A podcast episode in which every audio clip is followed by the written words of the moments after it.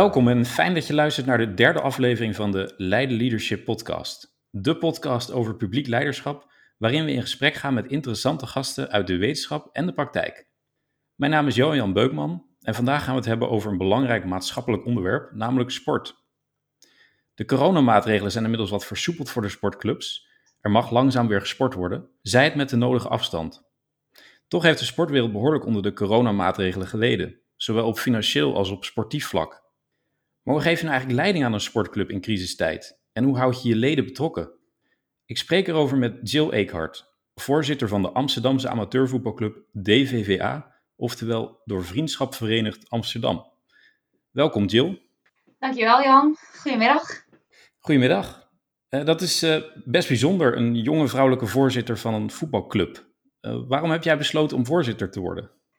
Um, ja, eigenlijk is dat een vrij geleidelijk proces geweest. Um, kijk, ik, toen, ik, toen ik lid werd van, van DVVA, was dat voor mij ook een manier. Ik woonde net in Amsterdam om nieuwe mensen te leren kennen. En ja, als je dan merkt dat je je thuis voelt binnen een vereniging, dan is het ook leuk om ja, je af en toe in te zetten door een activiteit te organiseren of nou, daar wat vaker je gezicht te laten zien. En uh, ja, in de loop der jaren ben ik daar steeds actiever in geworden. Uh, Lustrum jaar gecoördineerd. Ben toen als algemeen bestuurslid in eerste instantie tot het bestuur toegetreden. En ja, eigenlijk na mijn eerste seizoen als bestuurder ja, gaf de vorige voorzitter aan dat hij zou gaan aftreden. En uh, ja, toen kwam van het een het ander dat uh, ja, ik uiteindelijk de voorzitterhamer uh, heb overgenomen.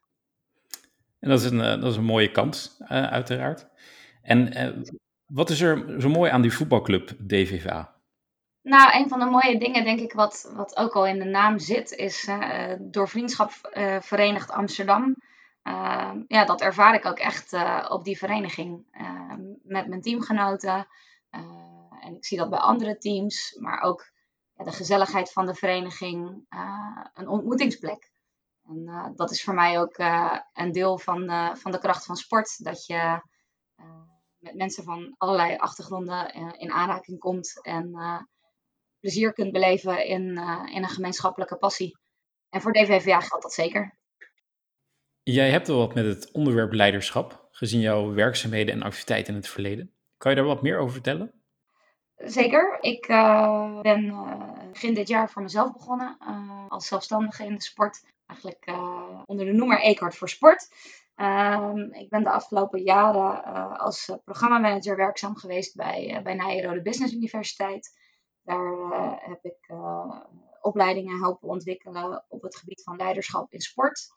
Ehm, ja, denk echt aan bijvoorbeeld programma's voor topsporters die nou, hun carrière op het punt staan van wat ga ik nu doen. Maar ook mensen die ja, vanuit uh, bijvoorbeeld uh, een financiële achtergrond denken van ik wil graag uh, een stap maken richting de sport. Ehm, dan wel, ik heb een opleiding ontwikkeld voor jonge bestuurders. vanuit de gedachte dat het ook goed zou zijn als er in verenigingen meer diversiteit op het gebied van, van leeftijden, achtergronden in, in sportbesturen komt. En ja, hoe, kun je dan jezelf als eh, bestuurder ontwikkelen eh, en daar handvatten eh, aan geven. Daarnaast heb ik het afgelopen jaar meegedaan aan de Blikverruimers Academie.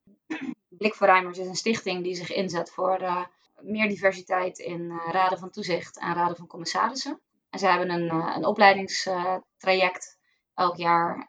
inmiddels was ik de vierde lichting. Waarin ze ja, jonge mensen eigenlijk een jaar laten snuffelen aan wat is nou uh, de rol van een toezichthouder. Uh, welke verantwoordelijkheid draag je? Wat is voor jou goed toezichthouderschap? ja, met de ambitie om dus ook op, op dat hogere bestuurlijke niveau meer diversiteit in organisaties te brengen. Vanuit de overtuiging dat dat ook bijdraagt aan een duurzame toekomst voor, voor elke organisatie. Interessant om te horen wat je allemaal doet en hebt gedaan op het gebied van leiderschap. Laten we het gaan hebben over het besturen van een sportclub in crisistijd. Het zijn onzekere tijden voor sportclubs, financieel gezien, maar ook sportief gezien. Uh, je hebt te maken met, met weinig inkomsten, uh, maar wel met financiële lasten, zoals huur. En daarnaast wil je ook de, de binding met je leden behouden. hoe moeilijk is het nou om zo'n club te besturen in deze tijden? Ehm, ja, het is, het is in die zin natuurlijk een hele rare periode. Ehm, in het begin, toen, toen net bekend werd dat we echt in lockdown gingen, uh, ja, dan, dan gaat het vooral over communicatie. Uh, dat je op korte termijn probeert met de beperkte informatie die er is, uh, leden te informeren over de stand van zaken. Dus in dit geval nou, eigenlijk dat, dat alle activiteiten tot na de orde zouden stoppen. Het vooruitzicht was toen geloof ik tot, tot begin april. Ehm, dus dus ehm, in, in ons geval hebben we eigenlijk vrij snel uh, als bestuur de koppen bij elkaar gestoken. Uh, figuurlijk, want uh, dat ging natuurlijk ook digitaal. Ehm, en hebben we gewoon even met elkaar besproken van... hé, hey, waar, waar zien we nu in eerste instantie de noodzaak om bepaalde keuzes te maken? Hebben we de, ja, de activiteiten eigenlijk verdeeld. Dus uh, denk aan het contact opnemen met uh, trainers om te vragen uh, ja, hoe zij kijken naar de situatie. maar ook het, het, het, afmelden van vrijwilligers. Dus, dus je probeert in eerste instantie vooral duidelijkheid te, te scheppen naar buiten toe. Ja. Dat creëert namelijk ook de rust die je nodig hebt om vervolgens als bestuur met elkaar in gesprek te gaan over welke, welke gevolgen voorzien we. Uh, dus een van de eerste dingen die wij zijn gaan doen is ook kijken naar uh, hoe staan we er op dit moment financieel voor? Uh, welke eh, uitgaven verwachten we nog? hoeveel inkomsten lopen we mis? Bijvoorbeeld omdat we de rest van het seizoen geen kantineinkomsten hebben. Ja. En, nou ja, en, en, naarmate de tijd verstrijkt, werd duidelijk ook welke regelingen er zouden zijn. Dus dan ga je daar eigenlijk kijken van komen we daarvoor in aanmerking?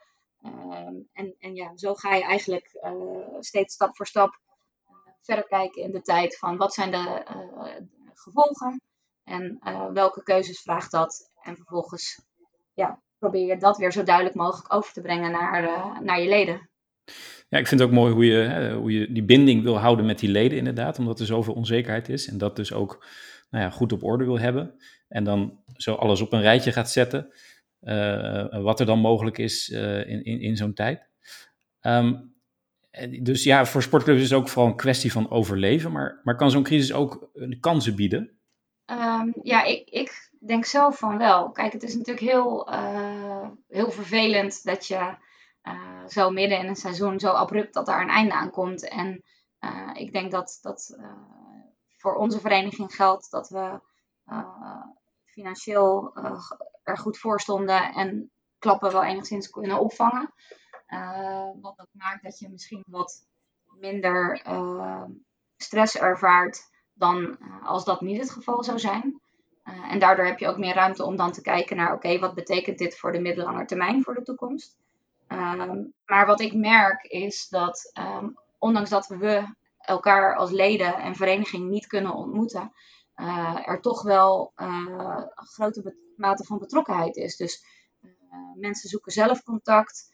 Al vrij snel kwamen er suggesties voor als we kunnen helpen, bijvoorbeeld door het opzetten van een online pubquiz of verkopen van handdoeken met logo om wat extra inkomsten te genereren.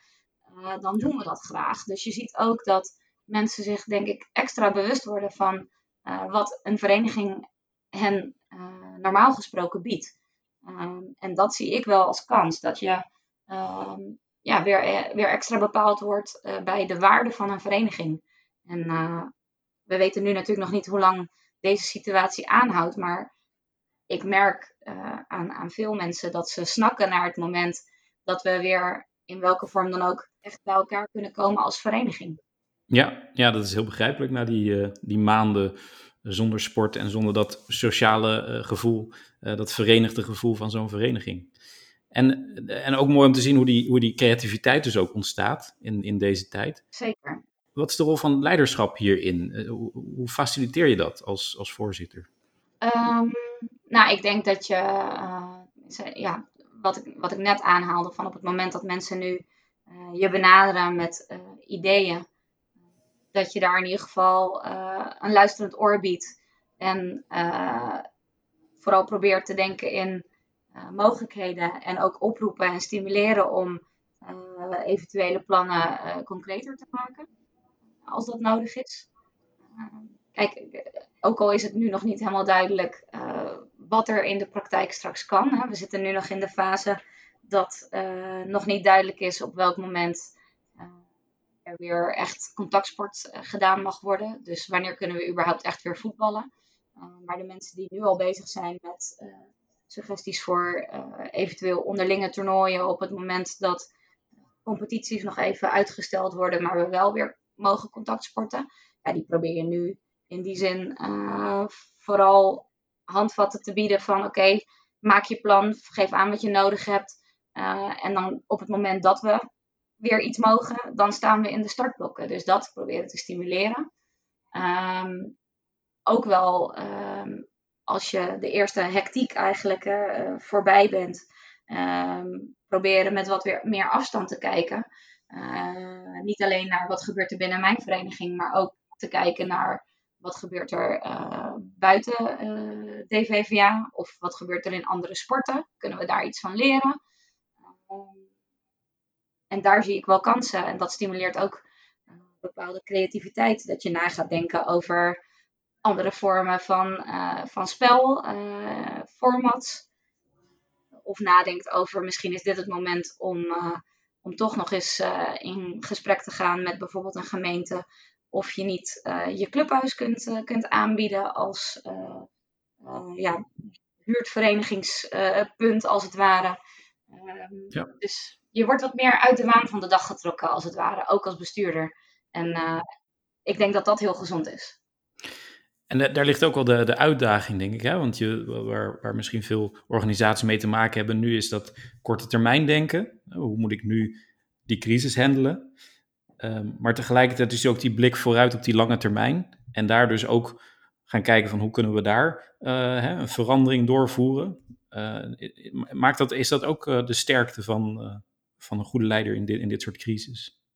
Um, nou, ik denk dat het een kracht kan zijn. Uh, en je zult het altijd moeten balanceren. Maar uh, op het moment dat je midden in een storm vaart, als het ware, heeft het geen zin om, uh, om na te denken welke koers je gaat varen op het moment dat de storm weer is gaan liggen.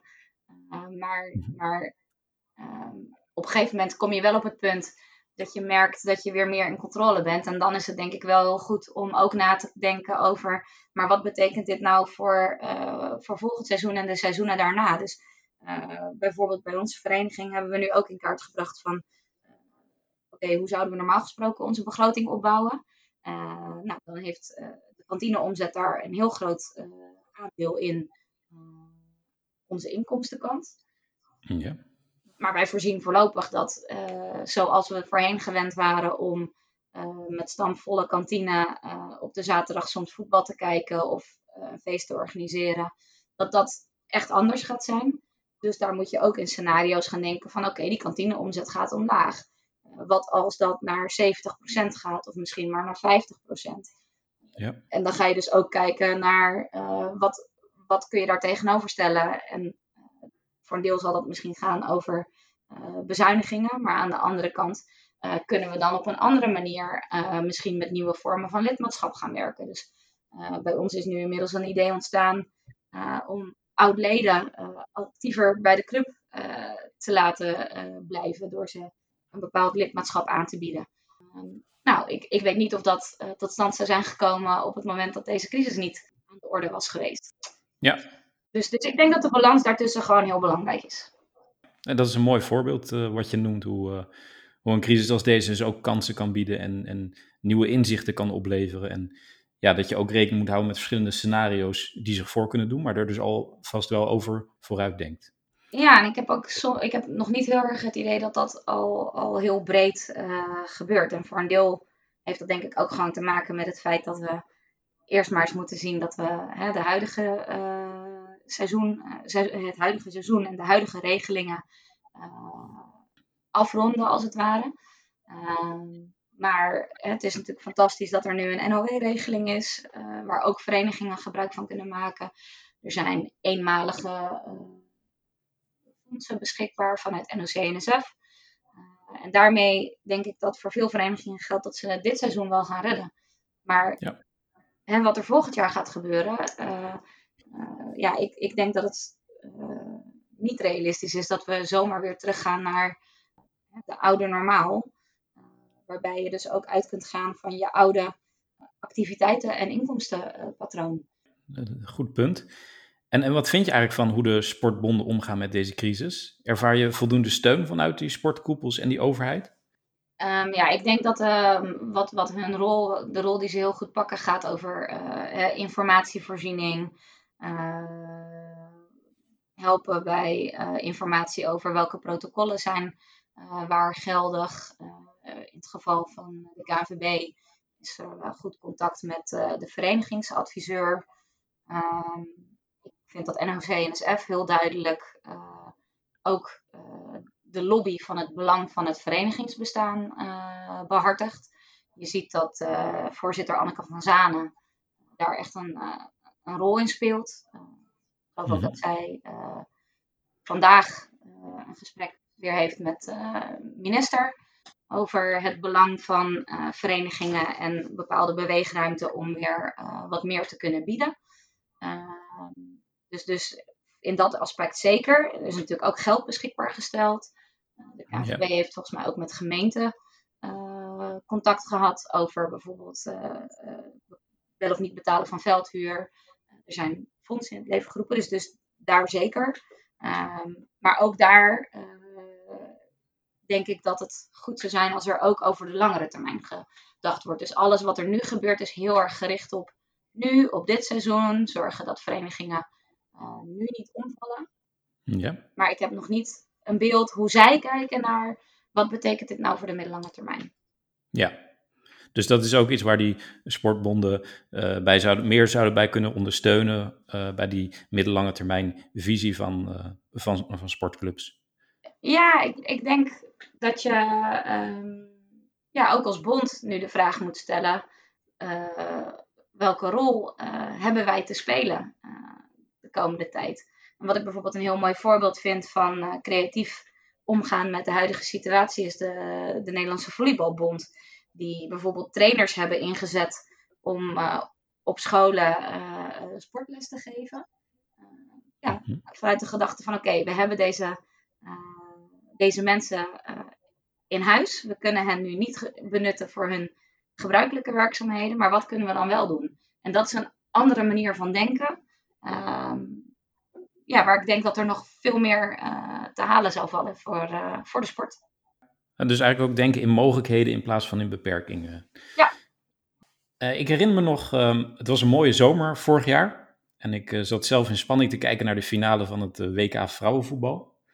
Bijna 5,5 miljoen Nederlanders keken naar de wedstrijd. Nederland tegen de Verenigde Staten. En het vrouwenvoetbal heeft sowieso voor zichzelf echt reclame gemaakt de afgelopen jaren. Uh, gaat het ook de goede kant op wat betreft diversiteit in de sportwereld? Uh, nou, dat ligt er denk ik een beetje aan hoe je uh, diversiteit zou, uh, zou willen definiëren. Um, ik denk dat wat al heel lang goed gaat, is het stimuleren van vrouwen als topsporters. Vrouwen behalen mooie resultaten. Niet alleen de voetbaldames die de afgelopen jaren enorme progressie hebben geboekt en daarmee inderdaad Europees kampioen zijn geworden en de finale van het wereldkampioenschap vorig jaar hebben gehaald. Ja. Uh, maar ook um, uh, op de Olympische Spelen zijn al, al jarenlang is het gewoon nou geen onderwerp van discussie meer dat mannen en vrouwen daarheen gaan, dat vrouwen ook goede prestaties kunnen leveren.